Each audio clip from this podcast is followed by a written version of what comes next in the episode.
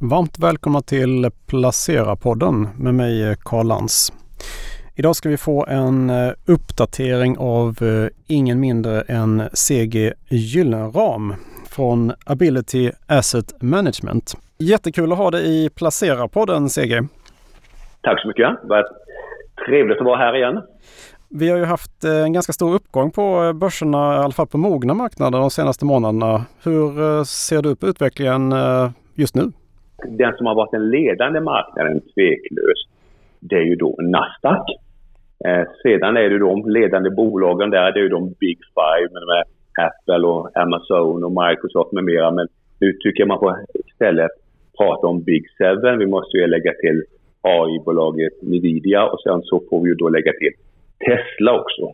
Och det är mycket de här bolagen, för de har ju gått bra ända sedan oktober föregående år. De har gått väldigt bra sedan årsskiftet som framförallt då har lyft Nasdaq. Och där har vi ju uttalat oss positivt en längre tid baserat på att vi har sett en bottenformation och i ö som har varit då runt ett år och sedan blivit marknaden fast i den övre delen av den här bottenformationen och bildade vad vi kallade för en balanspunkt. Eller alltså en markant minskad volatilitet. Och sedan, och då, det brukar vara en bra indikation och att marknaden vill röra sig uppåt och det har då stämt bra. Sen har ju Nasdaq nu dragit iväg så pass mycket att det här vore ju helt naturligt om det kommer någon form av rekyl. Sen kan vi då se på S&P 500 och där ingår ju, alltså de här eh, Big Seven är ju inte en oväsentlig del av eh, S&P 500 och den har då varit, jag ska bara ta fram så jag ser bilden här klart och tydligt. Den har ju också gått tydligt uppåt men den tog längre tid på sig innan den började röra sig uppåt. Var påtagligt svårt och jag tror vi nästan behövde tio försök innan vi lyckades passera 4200. Så den här marknaden har ju då också fått lite fart men inte alls på samma sätt eh, som Nasdaq. Och när jag tittade där för en två veckor sedan så upplevde jag att bredden i S&P 500 var ganska dålig. Men det var, det var ett ganska fåtal bolag, de här stora techbolagen, som då drev index. Bredden kan man fortfarande kan inte säga är bra, men när jag tittade i slutet på föregående vecka så tyckte jag mig se att ganska tydligt att om vi tittar på det konjunkturkänsliga som Packard som konkurrerar med Volvo, Ingersoll Rand och Caterpillar så hade de gått väldigt bra. Vi märkte att eh, bankerna började röra på sig och vi märkte också, eller vi kunde se tydligt att de traditionella techbolagen, vet, Intel, Oracle, Hewlett Packard och IBM med mera, att även där var det ett intresse. Mm. Det som då fortfarande inte hade rört på sig, det är de klassiska bolagen Coca-Cola, Pepsi, Colgate med mera. Eh, så att det är lite, lite bättre och Nasdaq är ju lite rekylmogen här. Mm. Eh, sen, och om vi då tar ytterligare steg, för vi måste nästan här då dissekera den amerikanska marknaden.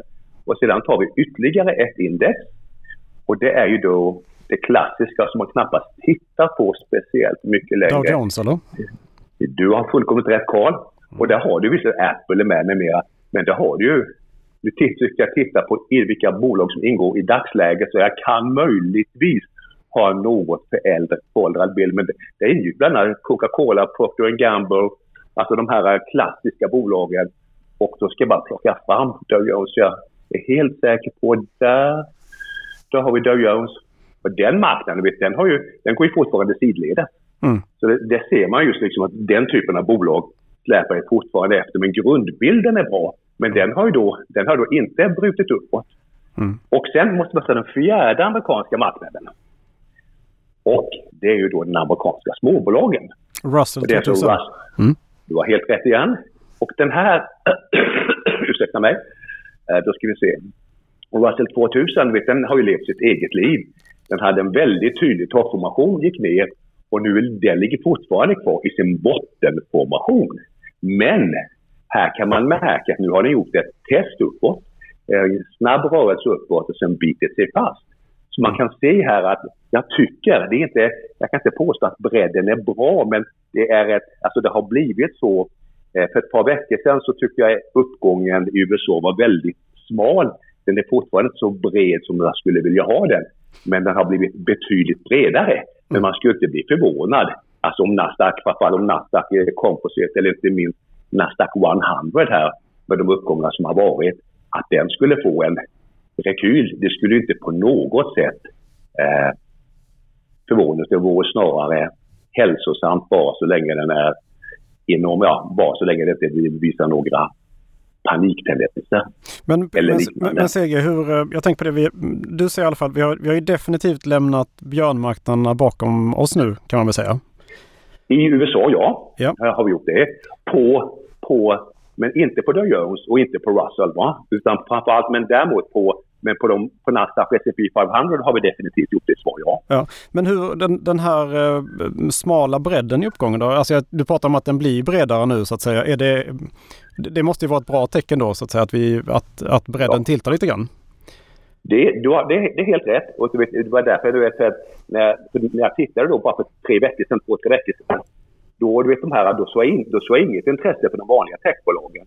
Eh, jag såg inget speciellt intresse för bank. Eh, jag såg inget också, om man tittar på de här lite mer konsumtionsnära bolagen, Walmart är väldigt stora. Costco är ju som är det, det är deras lågpriskedja. Även om du tar McDonalds och även om du tar Starbucks, Home Deposit, de börjar också pigna till. Va? Mm. Så att det är så att det är en ganska markant bättre och det, det är som är rätt i. Det är det som är viktigt. För om det bara är, alltså i Sverige, om vi skulle jämföra som om vi hade tre eller fyra Atlas Copco i Sverige som, som eh, drog marknaden. I Sverige har vi li, lite grann av det beteendet men inte alls lika utpräglat. Så det är helt rätt. Ju bättre bredd i en uppgång, ju mer stabilitet finns det. Och du vet, sen, det som är sunt sen i en marknad, det är om vi får en sektorrotation. Mm. Att man då tänker, ja det kanske är läge att plocka upp eh, eller plocka hem lite trivsamma vinster i, i tech och kanske, ja, tusan, du kanske har Coca-Cola eller, eller Pepsi eller Procter Gamble eller någon annan. Att ja, de kanske har fallit lite väl mycket men kanske ändå har bra kvalitet. Så att i en sund marknad efterhand så får man ju då en sektorrotation där kapitalet hela tiden rör sig från kanske överdriv, eller lite övervärderade sektorer till, till andra eh, branscher där man, ser, där man ser bra lägen. Och, men som sagt var, det som är USA tycker jag som helhet ser ganska vettigt ut men att just Nasdaq kanske har sprungit iväg lite väl fort, lite väl mycket skulle jag säga.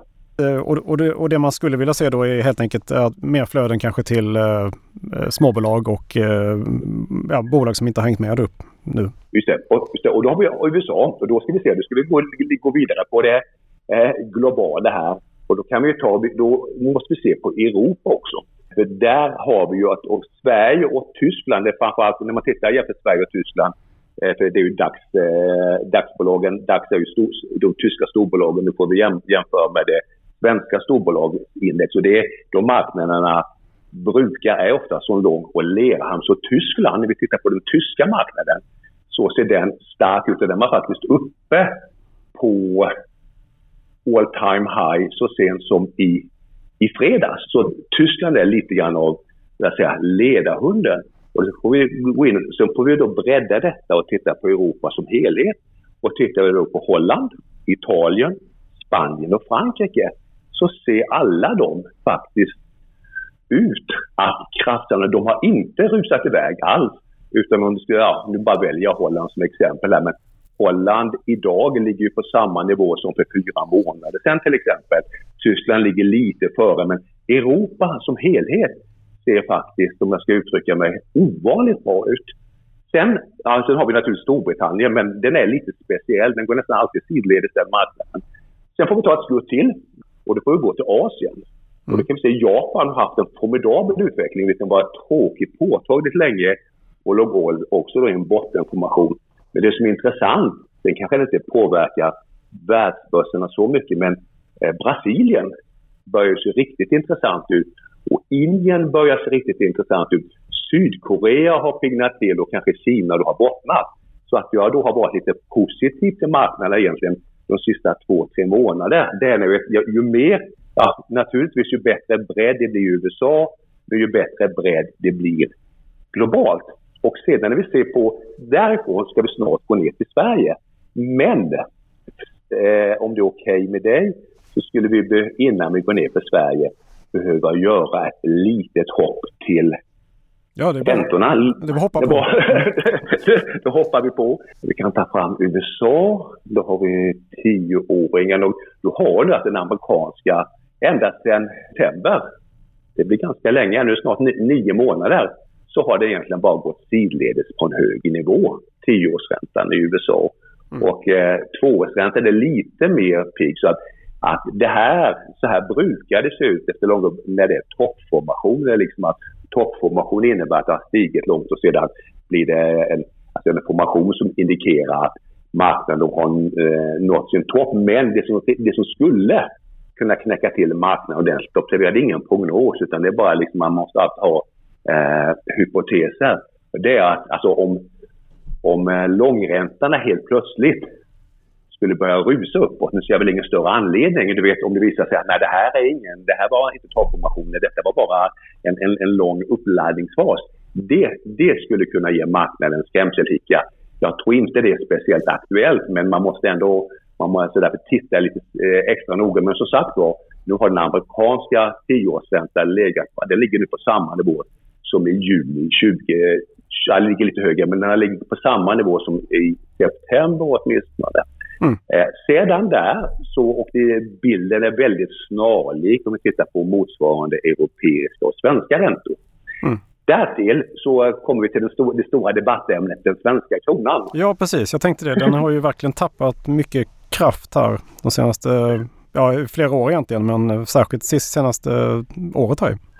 Ja, och det som är intressant just nu är att alltså vi, vi fick en snabb uppgång. Denna, mot dollarn har vi faktiskt gått sidledes. Mm. Vi ligger nu på samma nivå här som för ett år sedan. Alltså, vi hade ett ryck uppåt på 11,50 sen gick vi ner till 10,20. Nu ligger vi på 10,70 och det gjorde vi för ganska precis ett år sedan också, eller för 11 månader sedan. Mm. Det som sticker ut ordentligt det är ju att hur kronan försvagas mot euron. Mm. Alltså det här, det här, och det här är ju en väldigt, alltså mot dollarn så är det inte alls lika tydligt. Det har, liksom, det har väl rört oss sidledes på stället år. Mm. Tittar vi mot euron så är det en tydlig trend och idag 11.69.35. Ska vi se mm. om vi har något längre. Nu har jag gått tillbaka, ska vi se. Ja, nu har jag gått tillbaka. Det ligger väl på rekord, tillbaka... rekordlåga nivåer va? Mm. Ja, nu är jag tillbaka på... Ja, det var finanskrisen. Nu ska vi se här. Måndag den 2 mars 2009. Mm. Eh, då låg vi på den här nivån. Va? Så detta är den högsta nivån på 15 år, eller sämsta nivån på 15 år man väljer att uttrycka sig. Mm. Och det är naturligtvis så kan ju göra eller europeiska aktier lite mer intressanta. Men det är med att den svenska kronan är ju verkligen så att åka ut i Europa nu, du vet, och, och om du växlar, mm. så kanske du får betala 12 eh, kronor för en euro. Vi ska inte prata om schweizerfrancen. Eh, jag tyckte mig se förut att den låg på 12 kronor i början på 60-talet. Mm. Det tror man ju knappt som svensk, men då var, ju, det var, då var det ju paritet. En krona ja, var lika med en schweizerfranc då. Och vi ska snart, vi ska snart dra oss till svenska börsen. Du, hur, men ser du något hopp för svenska kronan då? Finns det någonting som ah. talar för det?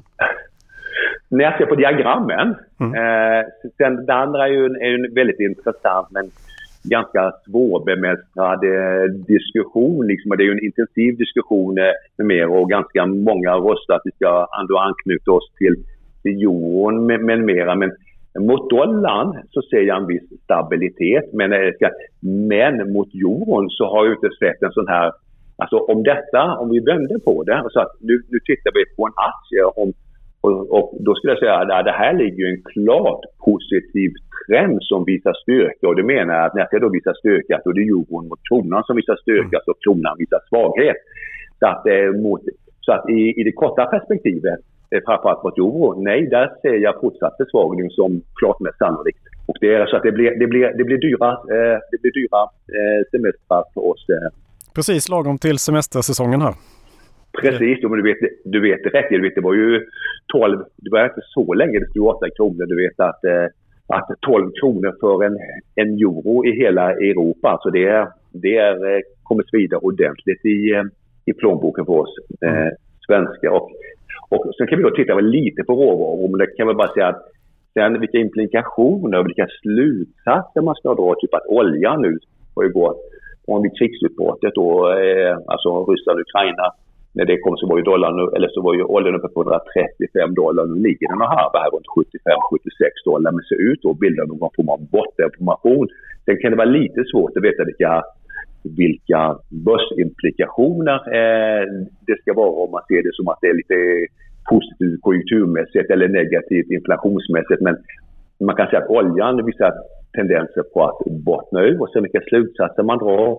Och tittar vi då på koppar, eh, och den brukar man ju nämna för att den är en så viktig industrimetall, så är det inget tydligt mönster men den har ändå ganska, den har dragits uppåt relativt tydligt de sista veckorna så att ja, det var en konjunkturmässig bit så är väl, så är väl eh, bilden på olja och koppar snarare försiktigt eh, positiv. Positiv då. Mm. Då, min vän eh, Karl här, då tror jag nästan vi är framme och tittar lite grann på... Dags för Sverige. Sverige är intressant, men det som är... Du vet, Sverige brukar ändå ha en ganska bra korrelation med med USA. Och det kan vi väl, ja, nu, det ser vi väl inte riktigt, men vi brukar ha en ganska bra korrelation med framför. Har, har vi då inte med USA så brukar vi i alla fall ha en bra korrelation med Tyskland. Och, eh, om vi ser på Stockholm, på storbolagsindex, så, så ser det mycket ut så. Och där, alltså storbolagsindex idag är ju precis på samma nivå, nästan på hundradelen, som den 3 februari. Fortfarande är det så att i varje fall om vi skulle se på OMXPI, den breda marknaden, där kom ju hela uppgången den första, första veckan i januari och sen på, på storbolag i Sverige så fortsatte det ju till precis början på februari. Och jag vet inte hur många vi har skrivit, gånger vi har skrivit i vårt veckobrev att för att Sverige ska signalera för en uppgång så behöver vi med kraft och volym bryta indexnivån 2300 punkter. Och precis, precis nu innevarande sekund när du och jag pratar så ligger vi på 2297,4 punkter. Mm. Och eh, det, är ganska, det, är, det, är nästan, det är nästan lite komiskt. Jag tror att jag räknar en, två, tre, alltså, alltså tio gånger har, har marknaden försökt testa uppåt. Mm. Och nu ligger vi här och så som vi ligger just nu, ja, då har vi legat de sista två veckorna här. Va? Mm. Eh, så vi, vi, vi, ligger i en liksom att, eh, så att volatiliteten har, har minskat och, och, Sverige just nu är minus 1,08 här. Trenden är fortfarande eh, lite eh, något överraskande svag. Då. Tittar vi på den eh, breda marknaden, OMXPI, så ligger vi, ja, där ligger vi på samma nivå nu som den 12 januari. Så att om vi tittar på den breda marknaden och eh, ja, så har den rört sig snart sidledes i sex månader. Den har inte riktigt samma och eh, då kan man säga att storbolagsindex visar lite mer starka tendenser. Men det är också, vet, om du har, för att göra en liten analogi med eh, Nasdaq och USA, du vet Atlas Copco är ju Sveriges, man räknar med både A och B. Sen så jag kan ha fel på en, en procentenhet eller något sånt där men Atlas på storbolagsindex utgör väl nästan eh, 13 procent ungefär. Och den har ju, den har ju gått eh, eh, väldigt bra. Skulle man sedan ta lite andra bolag som eh, Evolution, eh, Investor, eh, Hexagon, ja, ABB, Alfa Laval, några andra. Så, så är det kanske så är bredden lämnar mer att önska även i Sverige. Det är väl mycket att bank, banker inte har gått så starkt också i Sverige? Du har helt rätt och då kan man ju säga att då är det just banker. För bankerna är ju nästan 20 index. Du har, du har fastighetsbiten.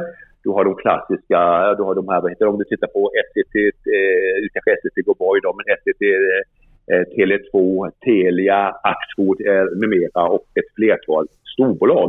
Det som är intressant just nu det är just att bankerna, att först såg vi förra veckan en amerikansk storbank som eh, Eh, bärsade storbankerna och sen, så, sedan såg vi en, en analys lite senare veckan där man håsade storbankerna. Så att storbankerna till exempel idag är ju ovanligt eh, stabila. Du vet Nordea är ju på plus när börsen är minus 1 procent.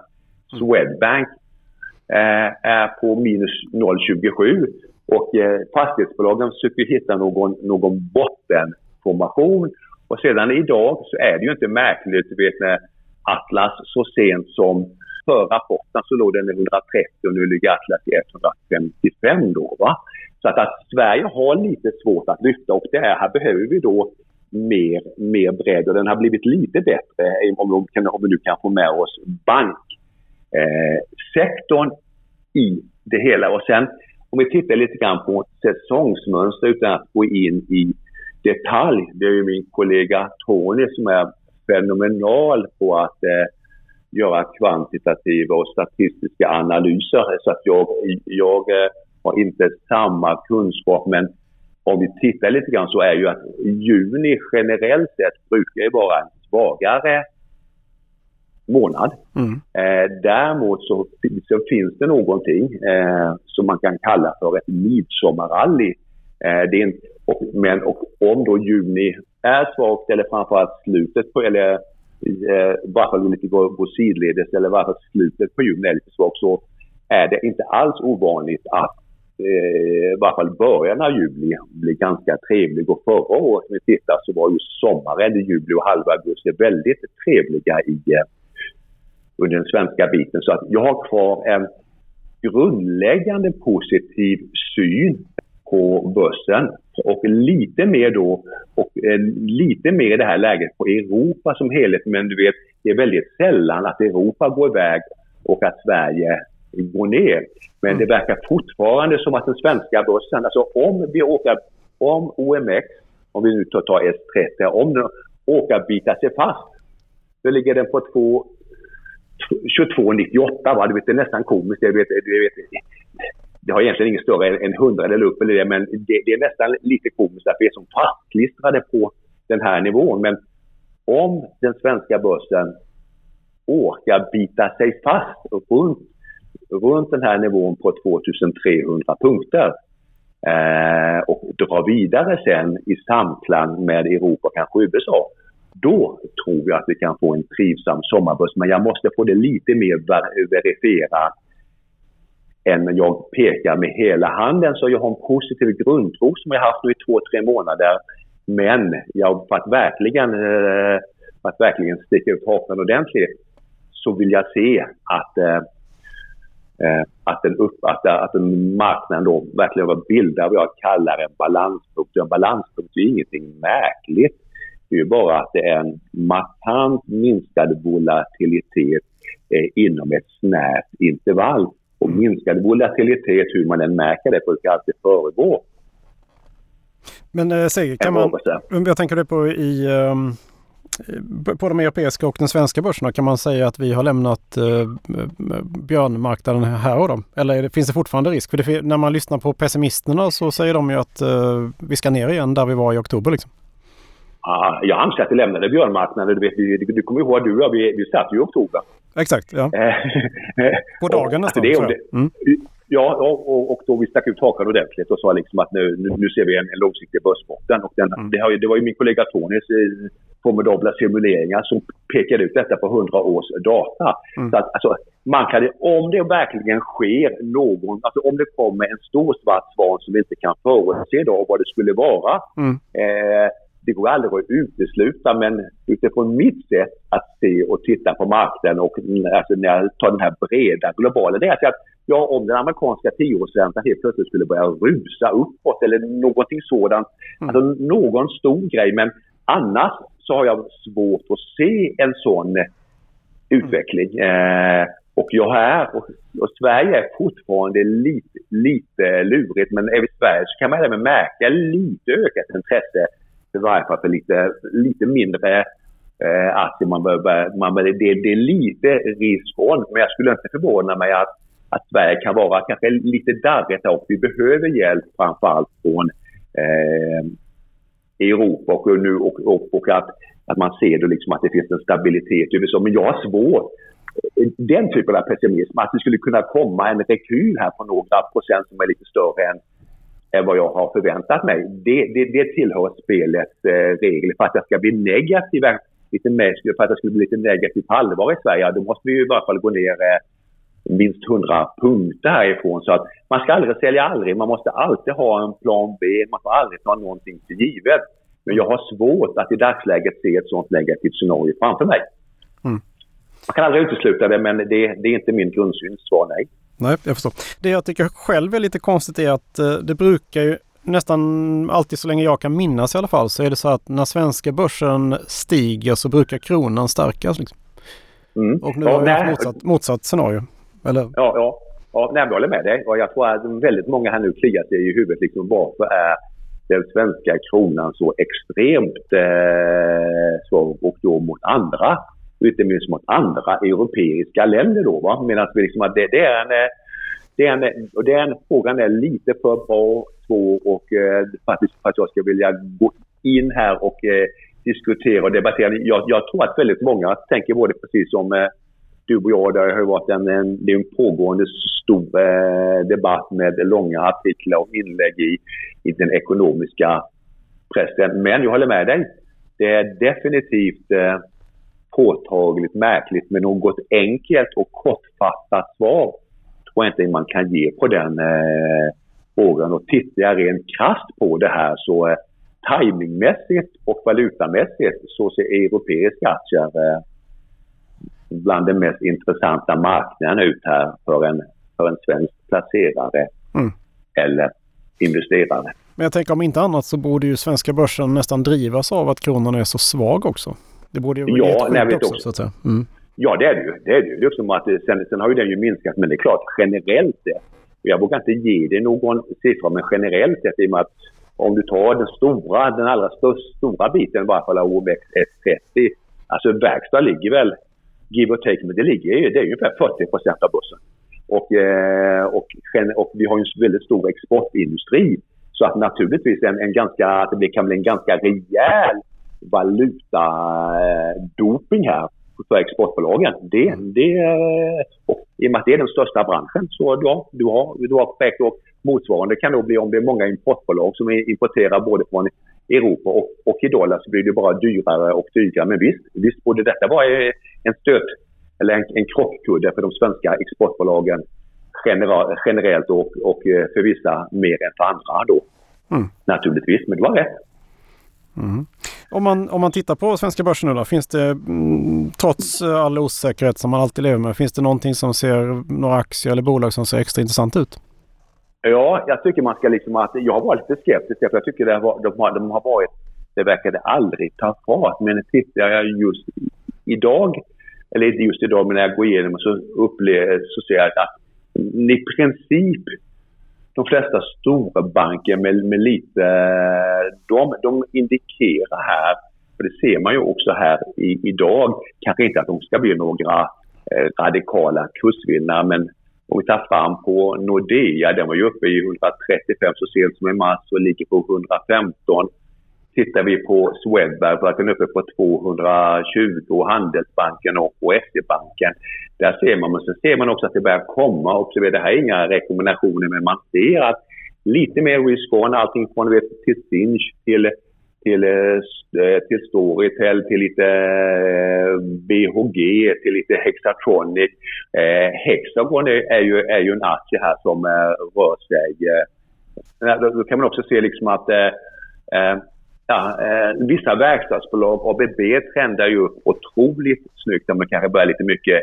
Hexagon har du, Hexagon har du eh, något eh, där. Så att, men så att jag tycker väl valda verkstadsbolag och eh, man ska börja titta på lite i varje fall något mindre eh, bolag och jag tror inte det är fel att ha en liten, att bygga på kanske positionen i bank. Jag har eh, jag tänkte liksom det verkar ju aldrig hända något så att jag eh, blev lite för försiktig där. Men den sektor här som jag tycker är mest intressant just nu det är nog eh, bank och lite, lite mindre mellanstora eh, bolag som har eh, där det ändå finns en bra, där det ändå finns en vettig fundamental story men som i vissa fall har pressat extremt mycket från eh, toppnivåerna och gärna typ om, om Atlas skulle börja dra sig neråt, om vi skulle få en rekyl i, i, eh, i Volvo med mera. Men där, sen när man tittar på Sverige, det är fortfarande en ganska splittrad bild. Men skulle verkstad fortsätta trenda uppåt med valutan som stöd och, och vi får lite eh, extra fart på banker och kanske lite mer intresse för mindre bolag, ja, då skulle jag inte förvåna mig om vi trots allt kan få en eh, ganska trivsam eh, börssommar här. Du, du, du, har inte vågat eh, kika någonting i fastighetssektorn först? Eller det är ja, fastighetssektorn. Ja, det är alltså det mest stabila. Jag, jag följer hela tiden det mest stabila där som har, verkar ha bildat en, en bottenformation. Och det är ju ingen, ingen, inget radikalt. Så är det ju liksom att eh, Castellum ligger nu på samma nivå här sedan, ja, som för ett år sedan. Och den, det vet man att det bolaget kommer att överleva och det var ju på väg uppåt här. Men det verkar så att det skulle jag, den, den känner jag mig bekväm med. Tyska Vonovia som vi har lyft fram eh, eh, tidigare som är ett av Europas största och absolut billigaste bolag också har en bra eh, bottenformation, amerikanska Essex Property med mera. Så att, men alltså riktigt högkvalitativa stora fastighetsbolag. Men eh, de kanske inte riktigt, riktigt är mogna, men där, där känner jag mig ganska bekväm. Medan många av de mindre är det finns nog lite för mycket eh, oro. Men det, det, ser inte ut som att, i alla fall inte på den svenska sidan, så att det är en, en, omel, en omedelbart förestående eh, eh, uppgång. Och sedan kan man se en aktie som alltid brukar vara bra när börsen är lite pigg. Så är det ju Investor. Men vet, Investor har ju, har ju gjort på stället marsch här nu snart i, i två månaders eh, eh, tid då. Så den är en sån där liksom, den är, har varit lite, lite tråkig och eh, utan har en positiv grundtrend. Men, eh, eller rör sig då, vad heter det, sidledes så vill man ta ett, vill man ta ett, eh, ett, en försiktig eh, bett, om man uttrycker sig så, på, på den svenska börsen så är, är ju inte Investor dålig. Men eh, beteendemönstermässigt så är jag väl lite neutral till den just i, i dagsläget. Och sen får vi se här. Eh, det finns ju lite, det finns ju mycket diskussioner och analys om att eh, nästan att USA ska eh, i alla fall Nasdaq ska krascha här. Jag har svårt att se det framför mig. Så att jag är fortfarande en aning restriktiv till att se att Sverige verkligen bryter uppåt. Men ser på global basis Eh, och inte minst på Europa eh, så, eh, så tycker jag att det ser faktiskt ganska intressant, lovande och positivt ut. Men jag väljer att i det här läget ha en positiv grundsyn på Sverige, ha en beredskap att vi skulle kunna få en rekyl som är lite större än, än den pågående i, idag. Men eh, tror dock ändå att eh marknaden rör sig i en positiv riktning uppåt både i Sverige och på global basis. Ja, vad kul. Mm. Ja, ja. ja, men du får ha det jättebra och jättetrevlig sommar. Detsamma. Mm. Ja, Tack så mycket. Ja, hej på dig. Hej, hej.